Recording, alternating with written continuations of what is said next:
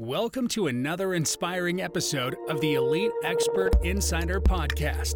Hosts Melanie Johnson and Jenn Foster are the owners of Elite Online Publishing. They're both Wall Street Journal, USA Today best-selling authors. We're really glad you're here because this podcast was designed for you. Meet industry experts that share their secrets and strategies. Get successful results for your business in money, relationships, health, and your life. Each episode is going to inspire you to take action towards reaching your greatness.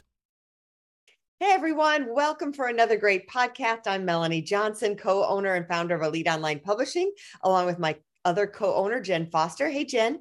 Hey everyone, how's it going today?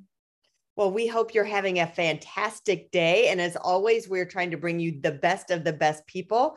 And today we are going to learn and talk about money. We're going to explore how your emotions influence your ability to manage money. Who would have thought, right? We're going to get into the psychology of how it's affecting your financial and where you are now. It's all in your head. We have the person who started FinWizdom podcast, Joel Franks, with us today. And hey, Joel, thanks for coming. Oh, I'm so glad to be here. Tell us, Joel, a little bit how you got into the financial industry. I got to tell you, it was a little bit by accident. I mean, way back when I was actually in the toy industry, I always wanted to get into product and development of toys. To do that, though, you needed a higher degree. And while I was getting my degree, I was working at a job at a large credit union. And as I was learning new ways of marketing, I began to fall in love with the financial industry. And when I finally got my degree, I realized you could do the same thing. Now I'm just pitching products and services to big kids. And so from there, I, have just followed the flow, I began to learn a lot of different ways of connecting with different types of organizations and individuals. And along my path, I next thing you know, all these years later, I've worked now in banking and insurance and in the investment industries. Tell us a little bit about, I'm curious about the word behavioral economics. Okay what that is, what that means, and how it applies to applies to us. You know, it's it's interesting. It's a it's a big buzzword now for a couple of years, right? It's one of those like name dropping types of things. Where it comes from is a lot of what we talk about economics. Maybe I'll go backward. Maybe I'll start from the last word to the first. Yeah. So economics comes from this concept or, or neoclassic economic theory. and for all those who are listening, and both of you, I mean, not to make this too complex, there's some basic foundations around that. this is where all economic models, by the way, are created, right? That we know 100% of the information. We know 100% of the different choices and we know in terms of 100% of the probabilities and what the outcomes of those probabilities will be. And we don't know any of that, right? Hmm. we don't have 100%. So what happens is in our brains, there's this concept or this process we go through called heuristics. What that hmm. is, that's basically shortcuts, right? We fill in the blanks. And whether you realize that or not, no matter how big or small the decision is, is we take these shortcuts. Now, what happens is we have this funny thing in us. It's called emotions, you know, behavior. We, we react to things based on all kinds of stuff, right? Whether it's genetics, it's learned behavior, it comes from our ethics, our, our culture, our, you know, the way we were raised, our experiences, right? So behavioral economics, when we talk about behavioral economics, what we're trying to say is it's a, a field of study that basically explores how actual financial decision process is influenced by social, cognitive, and emotional factors. Mm-hmm. And why and how these behaviors don't, well, they don't always follow those economic models. And I just want to say that in this probably will may rub some, I don't know, financial experts in academia a little differently because often what us individuals and companies are present to us conversations and tools, they often tell us to remove the emotions from our decisions. Well, that's wrong. Because I just Mhm. told you, every decision includes those heuristics, those shortcuts in our Mhm. brains. So it's more about how do you accommodate your behaviors? Mhm. So what it really comes down to is the why behind why I'm shopping at on Amazon.com on my phone at night. right. It's like, that's- why am I doing that? Why am I buying stuff right before I go to bed? You know, it's kind of like, and I use this a quick analogy often. It's like when we were a child, right? You would be doing something right, and you're like, "Don't, don't touch it," and they say Yeah. it's a hot pot, right? And it's like, Yeah. "Don't touch it, don't touch it, don't touch it," and you hear it, and what do you do? You touch it anyway, and that, and then your parents are just like, "Why did you do that?" now, as adults, we still do the same thing, but we're asking ourselves that question after we act on. Mhm. And it's about being more in touch with your own behavior and your financial decision making. You know, you bring up the behavior. How do we control our behaviors? I think you address that. And in the financial market, it's so confusing. Things change all the time. Like right now, interest rates have gone up a little bit. You can get Yeah. a CD Inflation. for four percent now. So do you put your money there? And you know, money's the root of all evil, or should you invest in the stock market, or should you be diversified, or should you be all in on real estate? It's like it just makes me my head spin sometimes of not knowing where to do and then we're kind of innate of our own behaviors and experiences we've had from what we've learned from our parents or experiences we've had with money and the stage of life that we're in so how do we control and filter through all of that Well, that's a big question. i know it's like three questions or five questions all Well, I- I-.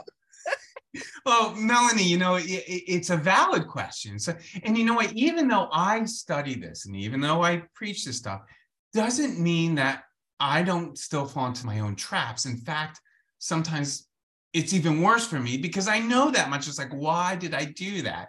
And Mhm, part of it is creating the right financial habits. But mhm. habits, right, in changing behavior, well, first and foremost, you have to really want to change behavior. And if you want to, it's really hard to do, right?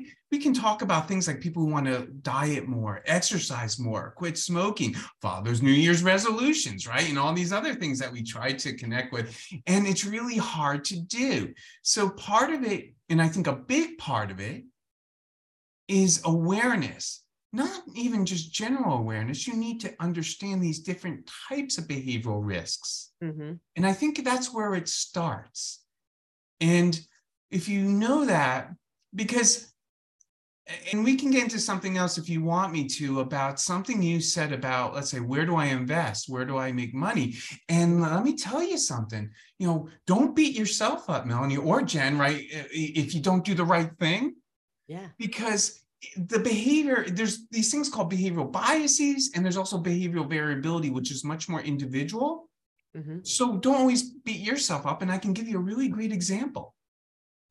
Let's say and that's this is a great let's say you won the lottery.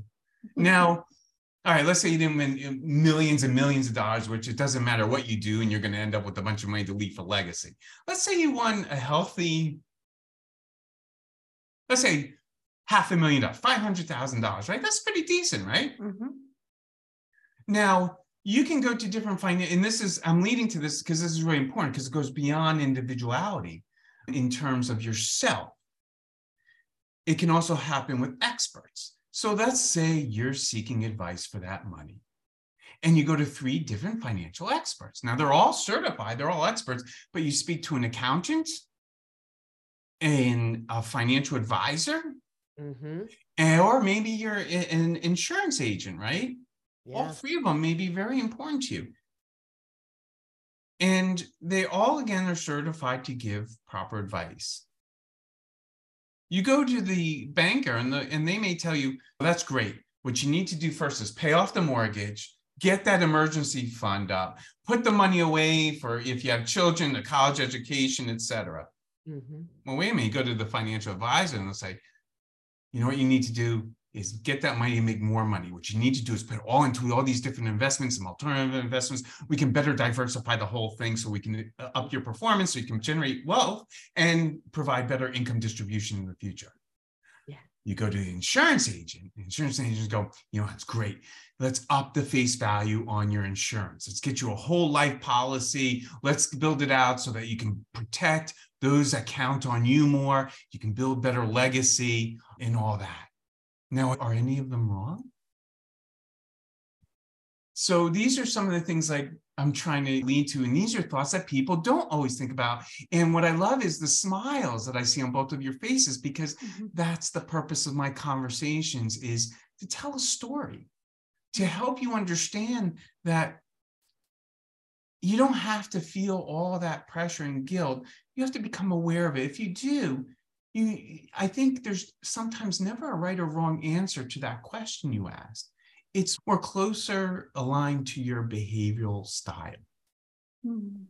Like if and, you like more safe things, then you go more of a safe route. If you're more of a risk taker, and I've kind of been in that position. I, I felt like I should be doing it all. Like, oh mm-hmm. gosh, I guess I should be doing this, this, this, because they say to do this person says to do the insurance, this person says to do the stocks, this person says to have, you know, real estate. You're like, okay, I'll just try and do all of it and that's not always the best choice like you say what is your risk tolerance what's your behavior that makes so sense. i'm glad you mentioned melanie about the risk tolerance right so that's a big thing that financial firms do right they get you to do this what's called risk tolerance questionnaire mm-hmm. and it's kind of even if you're working for a corporation let's say they have a 401k and they tell you about these forms and then that company that's you know backing all the choices maybe they'll drop down some pie charts, right? And they'll say, you're more aggressive, you're more conservative. Here's your choices.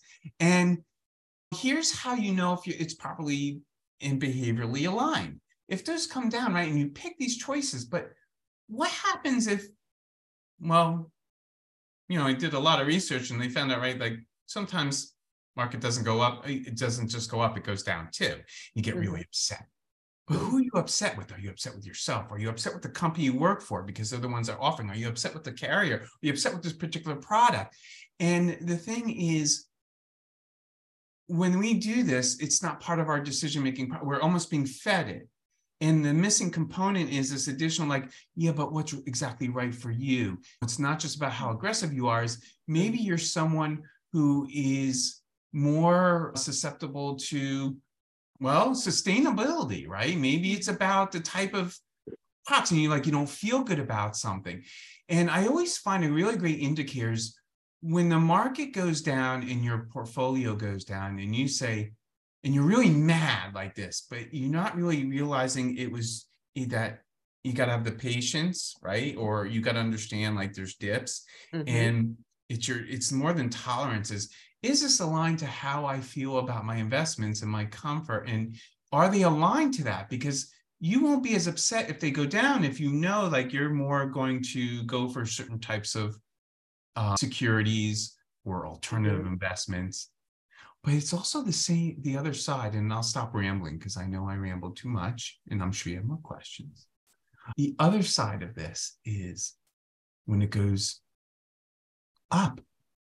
Now, and this is part of behavior by the way so maybe this is a really good lead in back to behavior and connecting the dots mm-hmm. is when you're when it goes up and you go oh my gosh i knew you know i read all stuff and it went up and you go wow i lucked out if it's if it, you feel luck well then it's not aligned to your behavior either because you, mm-hmm. you it's about if it's aligned to your behavior, you're setting the right expectations for when it goes up and down.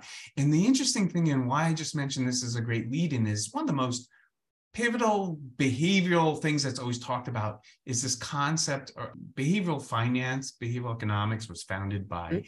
particular individuals, like Daniel Kahneman and Amos Tversky. And they call this thing called prospect theory. Yeah, that sounds pretty technical, I know. But here's how it really works. And they studies have shown that there's some varying degrees of this, but I'll use the example we just talked about.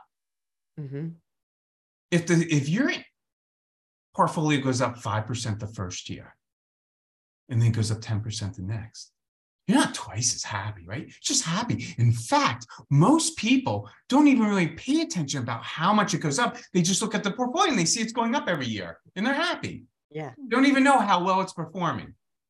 But if it goes down 5%, And then the next year goes down 10%. Oh, you're feeling it, right? You're like, what do I Mhm. do to myself? I should have sold. Why didn't I sell? I should stay, I should stay the course. All these things we hear.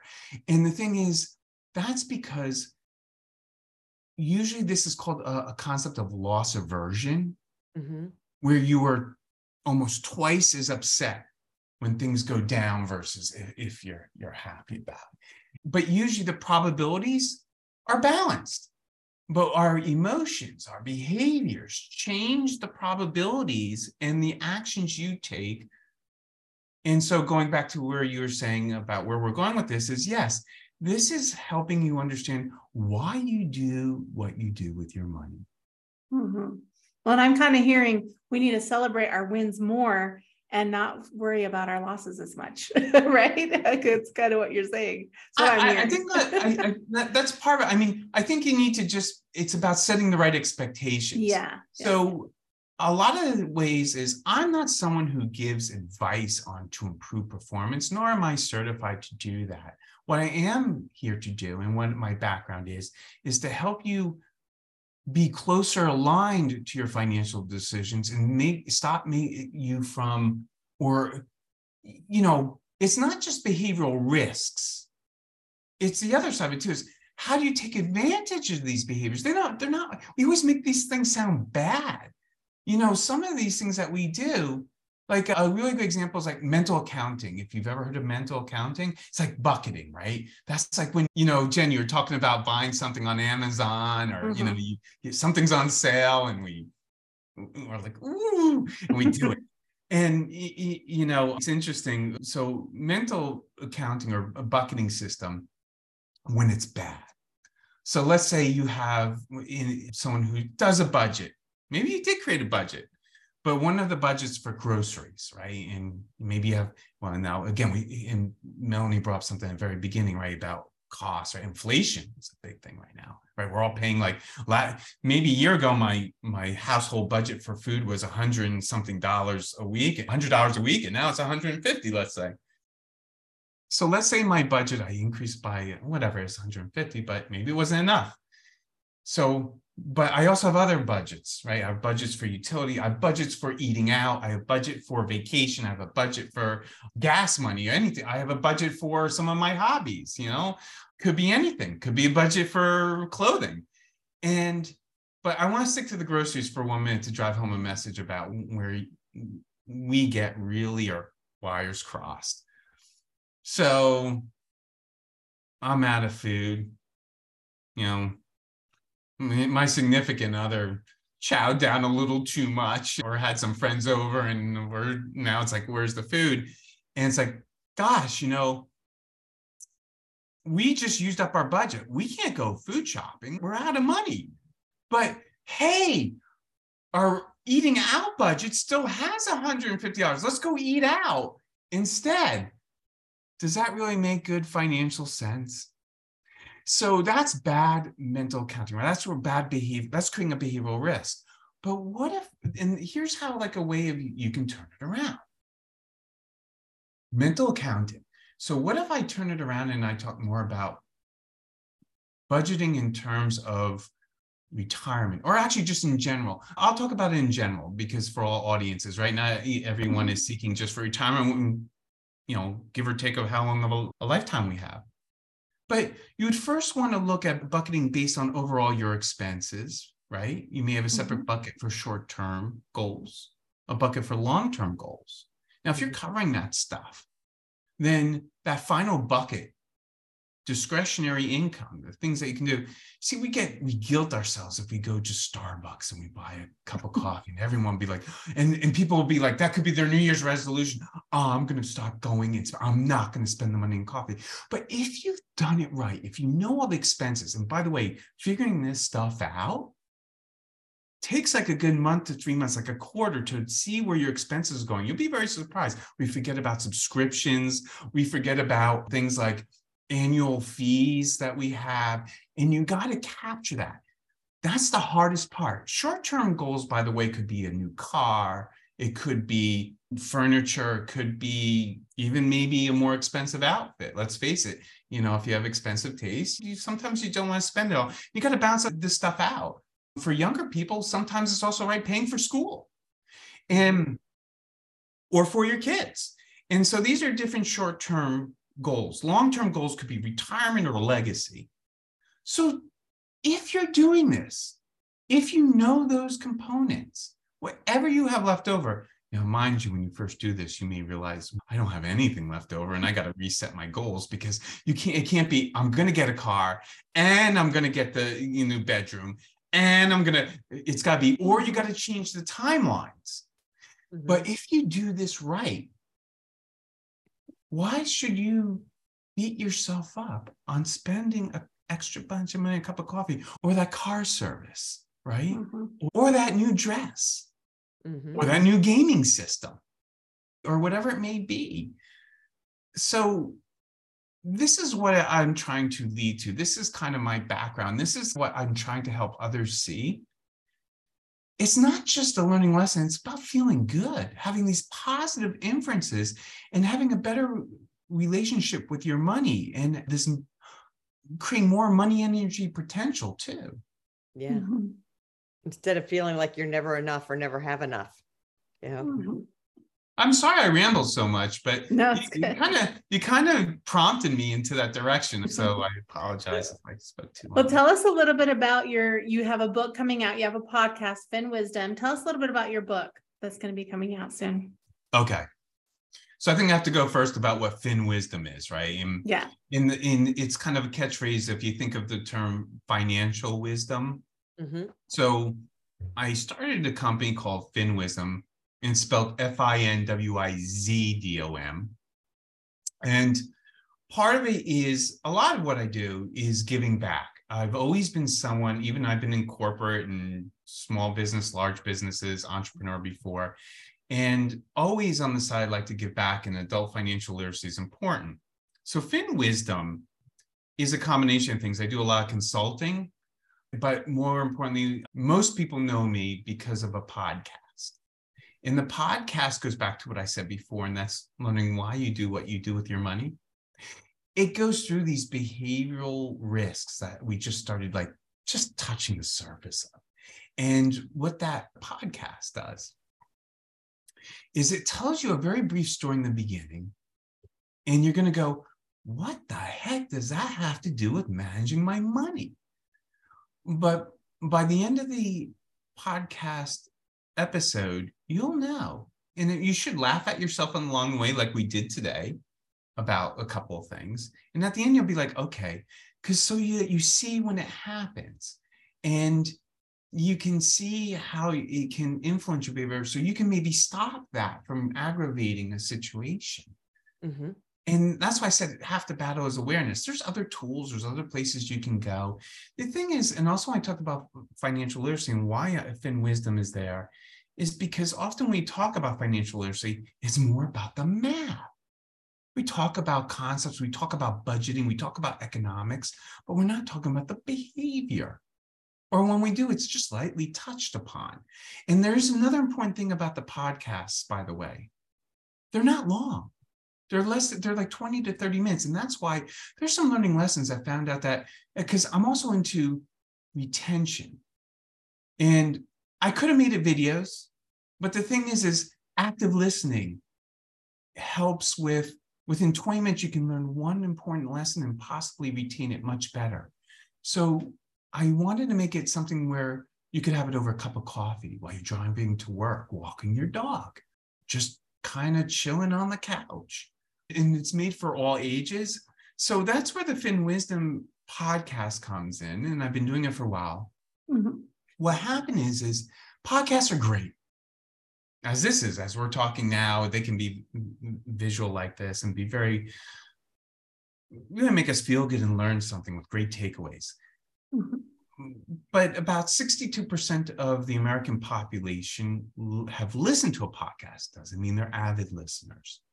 And that leaves a whole population of people who don't listen to podcasts. And the other side of it is, well, you know what, with the podcast, the people who are listening were telling me they wanted something in writing as a resource and they wanted to share something to others. So the so I decided on going on this adventure of creating a book. And the book is Creating Wealth with financial health. It's also the tagline for FinWizdom. And the reason why I'm doing the book, right, is to reach out, to share to others and share those stories. And so how others could share those stories and make it a reference so that, and again, reading is also equally active form of entertainment. Reading can help with the retention and you can go at your own pace and you can take it anywhere too. So the book isn't is it, it, well i'll tell you what it is and what it isn't it isn't like a whole textbook that wasn't my idea there's enough stuff out there that talks about behavioral economics but they don't talk in terms of you know to working americans all of us like i said in the beginning of all this. But the book talks like this. It's in a format of like as if we're doing right now like a conversation. It does repeat in terms of what it is is basically the first three seasons. Mm-hmm. and mm-hmm. that teaches some basic behavioral risks it teaches about the other concept i alluded to earlier around behavioral variabilities these more individual things that is a really newer science around behavioral economics and not many people are really tapping into it and where i'm really trying to close to which both you jenn and melanie are alluding to is creating a lifestyle sustaining income. Mm-hmm. And that's where I leave the book. Who knows if we'll create another one? But they can always continue that story then by going to, let's say, season four or go back to season one. Awesome. Well, where can people go to find your book and your podcast? So I always strongly recommend just going to finwizdom.com. It's F-I-N-W-I-Z-D-O-M.com. As far as the podcast goes, you would want to go to my website so that you can subscribe so you'll hear when the latest ones are getting released and some additional information when I make opinions or discussions like you heard today. Mm-hmm. Uh, but you can always go to your favorite hosting podcast, whether you're on Spotify, iHeartRadio, the Amazon, the Apple, most most of those places you can find the podcast. As far as the book goes, yes, through FinWizdom there'll be a, a portal there, but you can also go to our favorite place, right? Amazon.com and anywhere again, many of the other platforms too. You'll be able to find the book, and I believe Elite Publishing too, right? You can go to your website. And I, I would strongly recommend that you do so anyway. If you're someone who is interested, and I'm not just pitching them, they are awesome. I don't think I could have done this book without them. To do it by yourself is is good, but to do it with Elite Publishing, that's great. They've it's not just about hand holding. It's about doing it right and doing it in the most efficient and effective way. So I would also check them out regardless if you're someone who's interested. I love that. That's usually what I say at the end of our podcast. And you said it. so I don't even have to say that. So go check out Joel's book and we will see you next time. We hope you learned a lot from this podcast. I have like a page of notes that I took and, and we've worked with him, right? And we have his book and I'm still taking notes, learning more from him. So have a great week, everybody. Thanks for joining us and we'll see you next time. And yeah, take Joel's advice. If you're thinking about writing a book, reach out to us at eliteonlinepublishing.com and hit that author submission button. Bye. Bye. Hey, are you looking to increase your revenue, build credibility, and elevate your brand? This podcast is brought to you by Elite Online Publishing, an innovative publishing and full spectrum marketing company. They will publish and market your book to make it a number one bestseller. Becoming an author is the best way to market your business. So contact them at eliteonlinepublishing.com today. All of their authors become number one bestsellers.